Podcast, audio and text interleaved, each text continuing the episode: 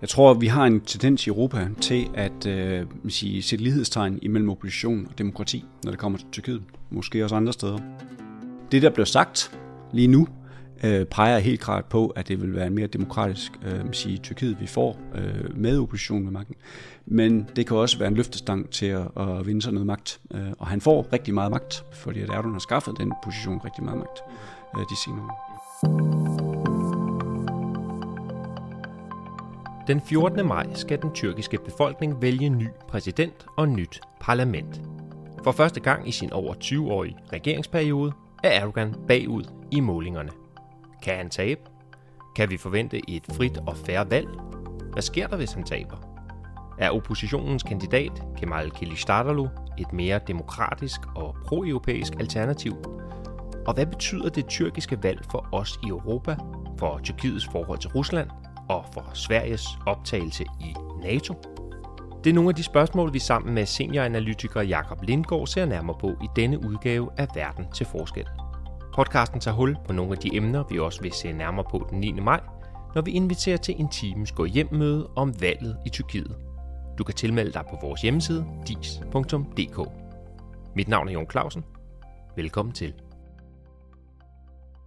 Jakob, øh, Erdogan han har siddet på magten i Tyrkiet i to årtier, og øh, undervejs der har han vundet 10 parlaments- øh, og lokalvalg, to præsidentvalg og tre folkeafstemninger.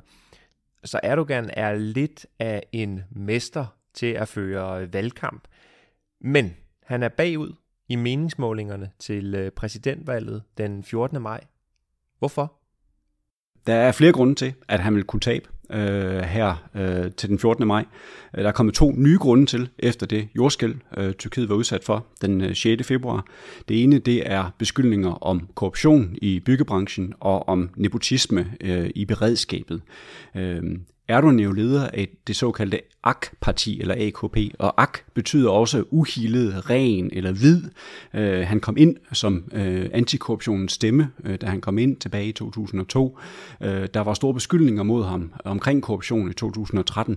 Det fik han lukket hårdt ned, og det har været en rød linje øh, i Tyrkiet siden 2013-14 stykker.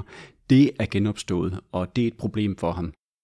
Grund nummer to er, at det er sværere for ham at bedrive den her mere offensive, eller måske endda aggressive udenrigspolitik, som har vundet ham noget støtte blandt tyrkiske nationalister i Tyrkiet, som er mange af øh, på alle sider af, af det politiske skæld i Tyrkiet. Og det, øh, det er svært, når lande som Sverige og Grækenland, og sådan set også USA, de øh, knus elsker ham og omfavner ham på den måde, som de har gjort efter jordskælvet. Klassisk jordskælvsdiplomati. Amerikansk udenrigsminister Blinken var nede og, og sige, leverer kasser med nødhjælp. The United States is here to support you in your time of need, and we will be by your side for as long as it takes to recover and to rebuild. Så det, det der udenrigspolitiske greb, som han ellers har haft, som har været succesfuldt for ham at have, det har han ikke længere efter jordskælvet den 6. februar.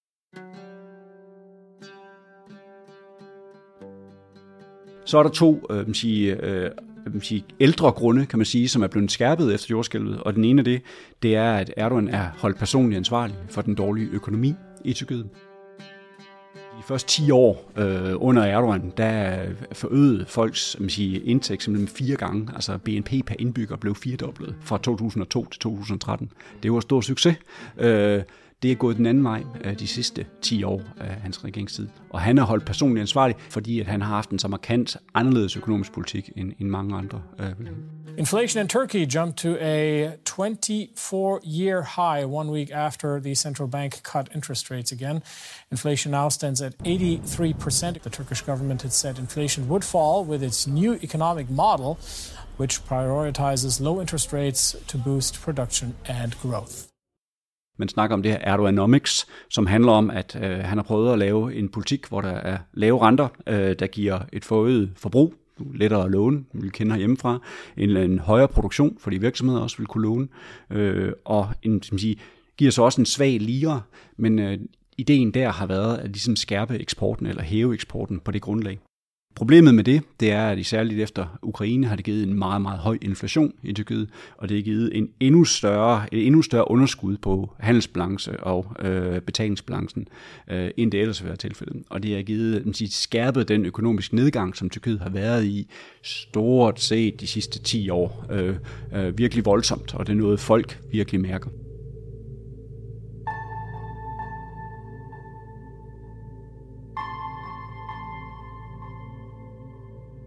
Den sidste grund er den, de ældre grunde, kan man sige, som også er blevet skærpet efter jordskælvet, det er de syriske flygtninge. Det er han også holdt personligt ansvarlig for. Det var ham, der inviterede dem ind som sunnimuslimske brødre tilbage i 12-13. Øh, nu er det man siger, arabiske jobstjælere et eller andet sted. Øh, vi tager den økonomiske situation med. Øh, man skal ofte have nogle øh, søndebukke et eller andet sted, og det er de syriske flygtninge. Før 2010 havde Tyrkiet stort set ingen flygtninge. Men nu har de op mod 6 millioner flygtninge, herunder 4 millioner syre, så, og, og en dårlig økonomisk situation. Øh, så det er, det er et kæmpe problem, og han er igen holdt personligt ansvarlig for at have inviteret de her øh, flygtninge ind. Det skal siges, at han stadigvæk kan vinde. Øh, han vinder en lille smule ind igen, øhm, og det er meget tæt. Der er en gaveregn, som aldrig øh, er set før i Tyrkiet lige i øjeblikket. En meget dyr gaveregn. Han øh, siger, øh, hæver minimumslønningerne, hæver offentlige lønninger og sænker pensionsalder. Og så er der en masse, en perlerække af succeser. De har lige lanceret Tyrkiets første elbil for nylig. For en halvanden to uger siden, der lancerede Tyrkiet sin, øh, et mini-hangarskib med hjemmebyggede to hjemmebyggede droner på. Der er annonceret leverance af gas fra det gasfund, de har øh, i øh, Sortehavet. Øh, og så er der en vis sandsynlighed for, at Putin kommer på besøg inden længe, inden valget, og åbner Tyrkiets første atomkraftværk, øh, som vil kunne producere, når det er færdigt til sin tid, øh, op mod 10% af Tyrkiets strøm. Øh, så er der en række succeser, som han også som siger, soler sig i, selvom hans udenrigspolitik er, er blevet sværere at bruge øh, sige, i forhold til valget. Så han kan stadig vinde, det er slet ikke udelukket. Øh, der er et stykke tid endnu til valget, øh, men han er øh, står historisk svagt. Erdogan gør selvfølgelig, hvad han kan for øh, nu at komme til at se øh, så, så godt ud som muligt. Og så samtidig så har han så også øh, traditionelt øh, stået over for en opposition, vel, som har haft svært ved at forene sig, altså en, en, splittet, øh, en splittet opposition. Hvordan ser det ud øh, denne her gang med oppositionen? De er splittet på en række områder, særligt tre områder. Der er både tyrkiske nationalister og kurdiske nationalister. De hader hinanden der er meget konservative religiøse personer, og så er der venstre sekulære øh, kvindeforkæmper, også af man siger, begge grupper, grupperinger i koalitionen. Og så er der folk, man siger, som er man siger, kapitalistiske markedsøkonomer øh, på den ene side, og sådan øh, anti-liberalistiske, øh, man siger, venstreorienterede økonomer på den anden side. Så der, det er virkelig en splittet opposition. Man kan sige, at øh, de nu står forenet imod Erdogan. Øh, det er en ting, oppositionslederen øh, Kılıçdaroğlu, han har formået ligesom at forene oppositionen imod imod ham. Erdogan gør, hvad han kan for at spille på de her splittelser, og så øh, har han gjort et stort nummer ud af, at Kilistaru for eksempel kom til at træde på et bedetæppe, øh, for ligesom at, at man sige, eksponere ham som alivi. Han er ikke sunni-muslim, øh, og sådan mere sekulær, og ikke forstå øh, de sunni-konservative sunni-muslimers sige, problemer. Og øh, skal sige i den sammenhæng, at islam spiller en meget lille rolle. Det er måske værd at nævne over for mange øh, her i Europa, at stort ikke spillet nogen rolle øh, indrigspolitisk eller udenrigspolitisk de sidste 5-6 år. Øh, men han bruger alligevel det her, fordi han ved, at det kan man sige, øh, bruges til at splitte oppositionen øh, nu. Og så koopter han dem på nogle områder politisk. Altså han går ind og altså, de tager deres dagsorden. For eksempel så er oppositionen øh, været en fortaler for at ligesom forsone sig med Assad i Syrien for at få sendt de her syriske flygtninge hjem. Den, den dagsorden har han jo taget for lang tid siden.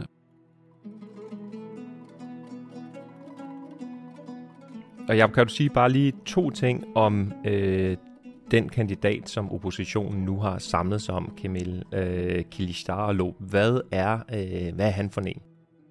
Han er nok man siger, det mindst karismatiske og det mindst kantede menneske, der findes, og Erdogans man siger, øh, fuldstændig og komplette modsætning. Bu seçimde ilk kez oy verecek sevgili gençler.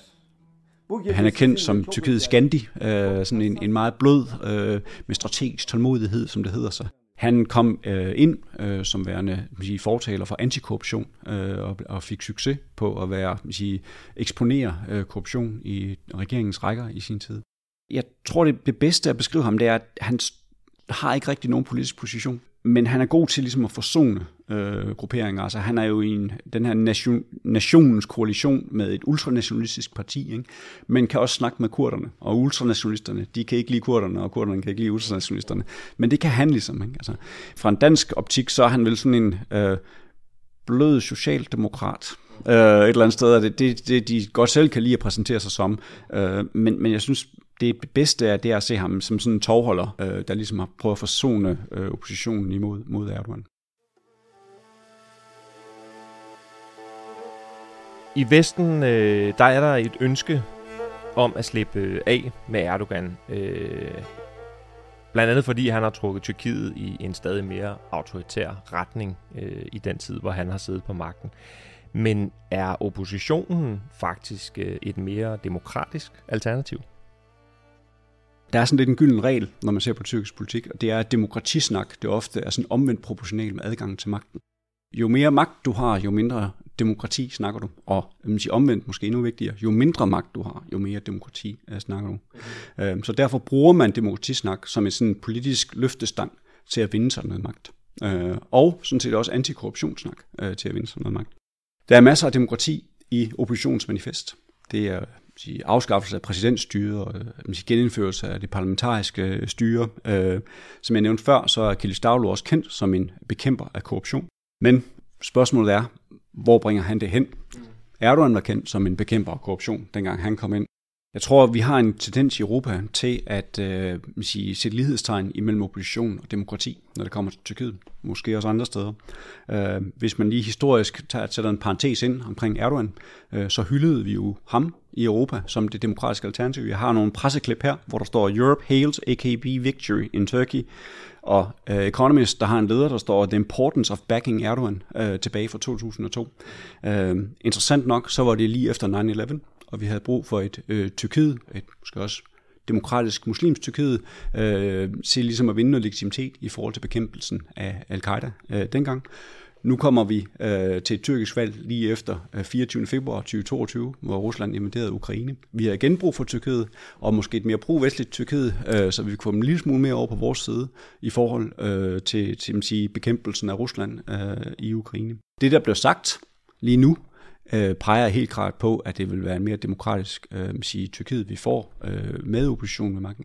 Men det kan også være en løftestang til at, at vinde sig noget magt. Øh, og han får rigtig meget magt, når han bliver præsident, fordi at Erdogan har skaffet den position rigtig meget magt mm-hmm. øh, de senere år. Mm. Så øh, vi må vente og se, hvad, øh, hvad det faktisk vil bringe, skulle øh, Kilis blive den næste præsident. Det er nok meget klogt.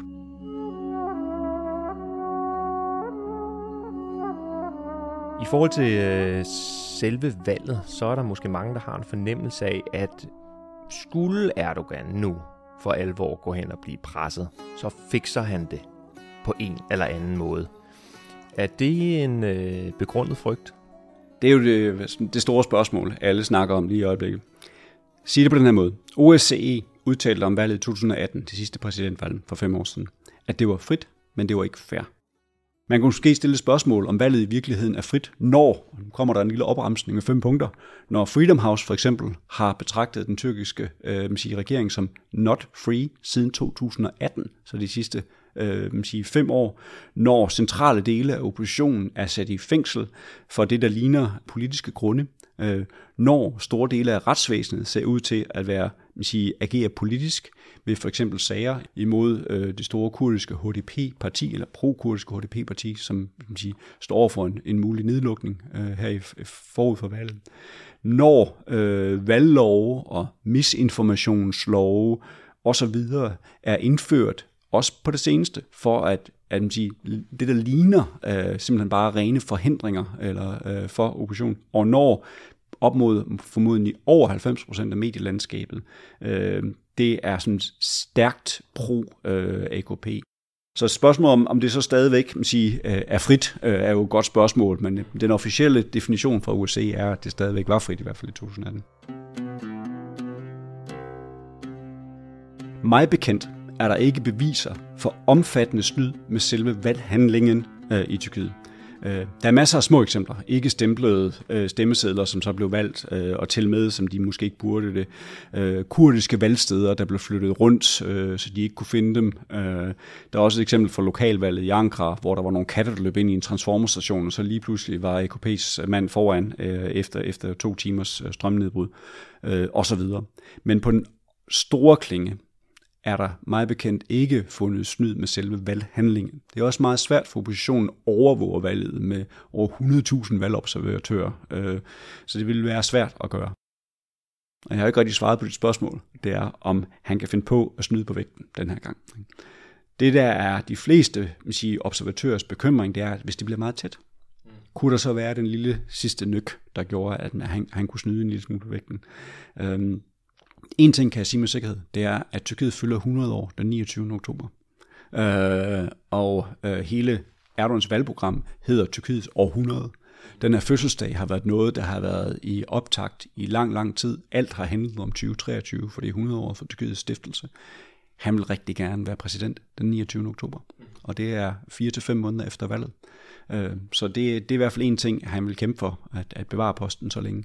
Øh, det kan jo blive svært, hvis han så taber det. Mm-hmm. Og hvis man forestiller sig så, at det bliver meget tæt, øh, og at han på en eller anden måde øh, vil prøve der at øh, holde på magten med, øh, med mere eller mindre øh, legitime metoder. Hvad, hvad kan man forestille sig, at, øh, at, at han kunne finde på at gøre? Hvis man ser historisk på det, så er en to gange faktisk tabt valg. Øh, sådan, øh, til at starte med i hvert fald i 2015, øh, det man sige, parlamentsvalget, og øh, lokalvalget i Istanbul i 2019, hvor han ligesom har forsøgt, i 2015 lavede han omvalg, han vandt i november måned 2019, forsøgte han også at få valgkommissionen til at, han lavede, fik valgkommissionen til at lave et omvalg, hvor han så faktisk tabte ret stort øh, Istanbul. Øh, så han har prøvet det der før, vi har jo en vis man siger, øh, forventning om valgbenægtelse i disse år efter den 6. januar øh, 21 i, i USA og den 8. januar 23 i Brasilien. Så der kan godt være øh, en, en proces efter valget, hvor der ligesom er en vis benægtelse øh, og, og en vis man siger, et limbo, hvor man ikke rigtig ved, hvor tingene de går hen.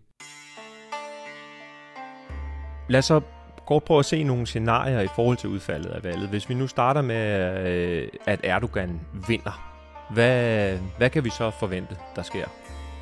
At Vi forventer stor skuffelse og mistro øh, i oppositionen. Altså det er en historisk chance for oppositionen det her. Altså det er, de har aldrig stået bedre, øh, end de gør nu. Det kan give demonstrationer, øh, social uro, øh, som man så må forvente, at Erdogan slår relativt hårdt ned på. Kille Stavlu har selv sige, opfordret sine man sige, tilhængere til at blive fra gaden, for ikke at give Erdogan undskyldningen til at, ligesom at gå på gaden og kæmpe. Øh, så det kan være, at han gør det igen, men det kan også bare gå over af frustration i oppositionen, fordi der vil være stor skuffelse. Mm. Mm. Og så var der det her midterscenarie, som vi var inde på før, hvor valget er så tæt, at selve afgørelsen kunne gå hen og blive trukket i langdrag. Det er det ene midterscenarie, at der, der simpelthen bliver en uklarhed omkring valgresultatet, øh, og eventuelle omvalg og sådan nogle ting, øh, for ligesom at trække det ud på en måde. Det vil, det vil skabe vældig meget uro også, øh, fordi det vil være forbundet med beskyldninger om snyd øh, på den ene eller den anden side. Der er et andet midterscenarie også, øh, som kan blive interessant, det er, hvis øh, Erdogan vinder præsidentvalget, og oppositionen vinder parlamentsvalget, som man siger. Parlamentet er ikke en enhed med vældig stor magt, men det kan give noget uro, øh, hvis der bliver ligesom et splittet, en splittet ledelse øh, i Tyrkiet.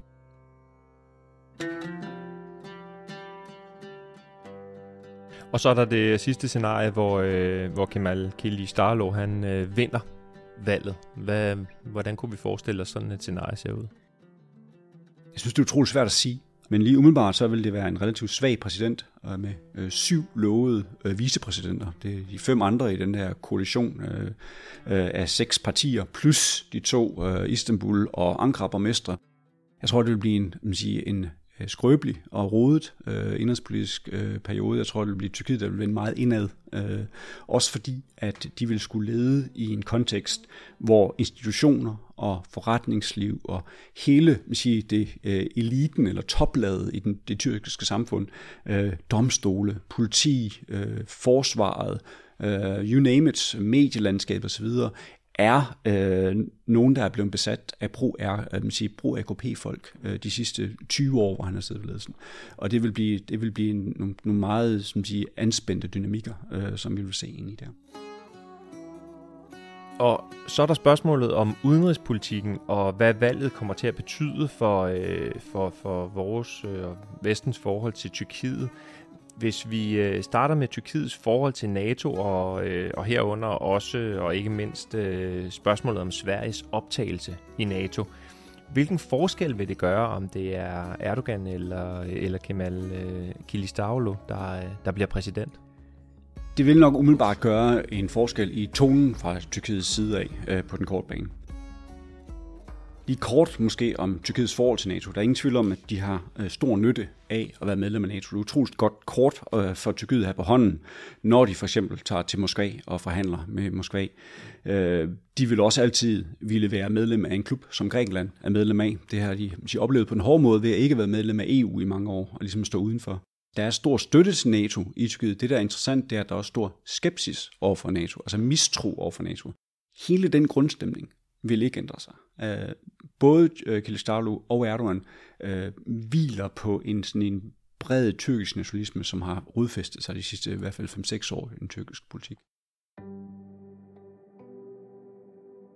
Hvis man ser på oppositionen, som er nok er det mest interessante øh, i forhold til NATO og Sverige, så er de for nu øh, øget støtte, øh, eller en mere konstruktiv indstilling over for NATO.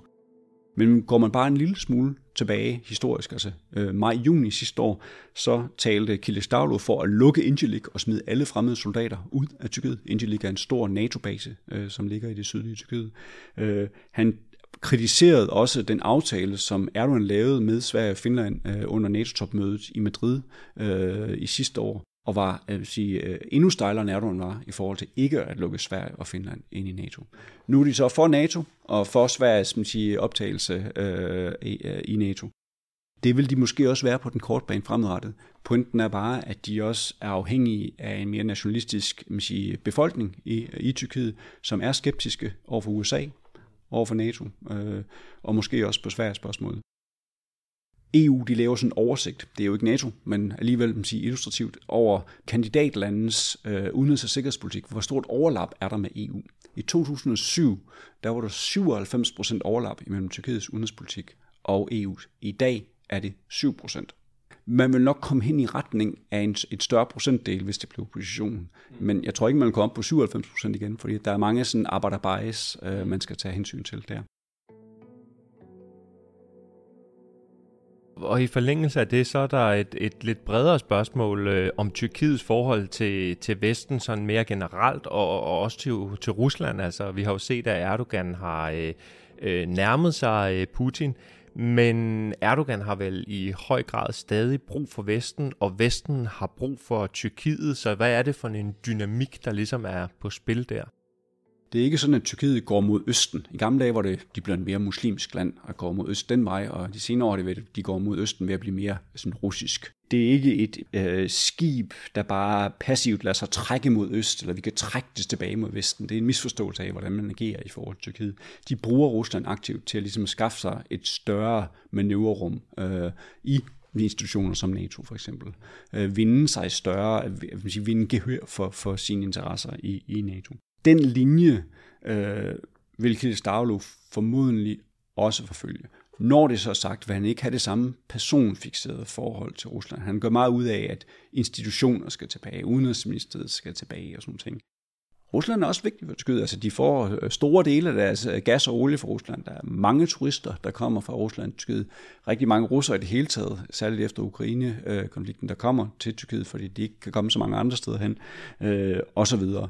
Øh, køb luftforsvar i Rusland, atomkraftværk, det første i Tyrkiet øh, er russisk bygget. Der snakker nu om, at det andet øh, ved Sortehavskysten også skal være et russisk bygget atomkraftværk. Når det så er sagt, så er der ingen tvivl om, at øh, Europa er en økonomisk supermagt overfor Tyrkiet. Altså det er absolut der Tyrkiets eksport øh, går hen. Øh, øh, Tolvunionen med Europa er utrolig vigtig for Tyrkiet osv. Så, så, så det, er, det er ikke, Rusland er slet ikke alternativ øh, i den sammenhæng. Hvad med den anden vej rundt? Hvordan er det, Vesten og, og EU har brug for Tyrkiet? Efter 9-11, og der er nogen kom til, havde vi jo brug for en øh, demokratisk muslim, som ligesom kunne vinde Vesten noget legitimitet i forhold til bekæmpelsen af islamistisk terrorisme øh, i Mellemøsten. Nu har man brug for Tyrkiet som en del af noget inddæmning over for Rusland.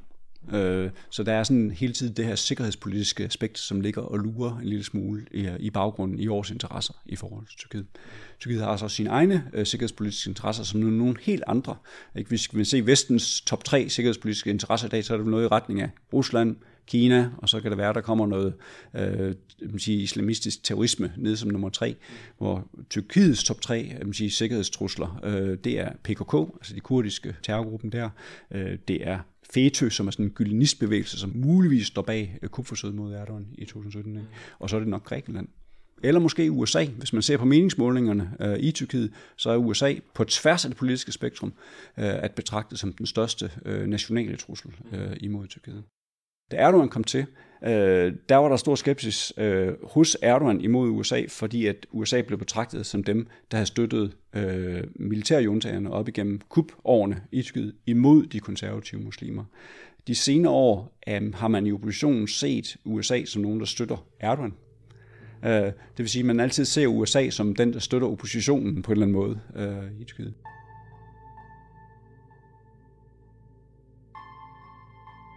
Og så endelig er der øh, spørgsmålet om øh, de mange millioner syriske flygtninge, som, øh, som du nævnte tidligere, øh, og som selvfølgelig også betyder noget i, i forhold til øh, EU. Men hvis man ser på de her forskellige øh, øh, præsidentkandidaters øh, forhold til det spørgsmål, hvad vil, hvad vil forskellen så være i forhold til, til det? Lige på det område er de interessant nok fuldstændig enige. Faktisk har Erdogan koopdød oppositionens position og gået i gang med at øh, forsone sig med Assad i Damaskus. Øh, via Rusland og Iran, og det har været kompliceret, men det har han gjort inden for det sidste års tid. Det var sådan set oppositionen, der startede den holdning. Altså, de har været for en forsoning med Assad øh, i øh, lang tid, i flere år, og det har de for at øh, gøre det muligt at returnere syriske flygtninge til Syrien. Øh, så det er oppositionens klare linje at returnere syriske flygtninge til Syrien. Det kan blive vældig bøvlet. Det kan blive rigtig øh, bøvlet for os i Europa. Der er ingen tvivl om, at der er et stort segment i Europa, der gerne ser syriske flygtninge blive returneret til Syrien. Der vil også være et andet segment i Europa, som vil være dybt, dybt skeptiske over for, hvorvidt det kan foregå øh, under ordnede forhold, og frit og sådan nogle ting. Øhm, man skal huske på, at mange af de syriske flygtninge, der er flygtet ud af Syrien, de er flygtet på grund af Assads sige, tortur og drab og forfølgelse af dem i mange år. Vil de kunne stole på øh, et liv, øh, der er frit øh, og uden tortur og uden forfølgelse under Assad i Syrien igen? Øh, det er nok svært at komme til at tro helt på. Men lige på det område, der er Erdogan og Kilicdaroglu faktisk meget på linje med hinanden.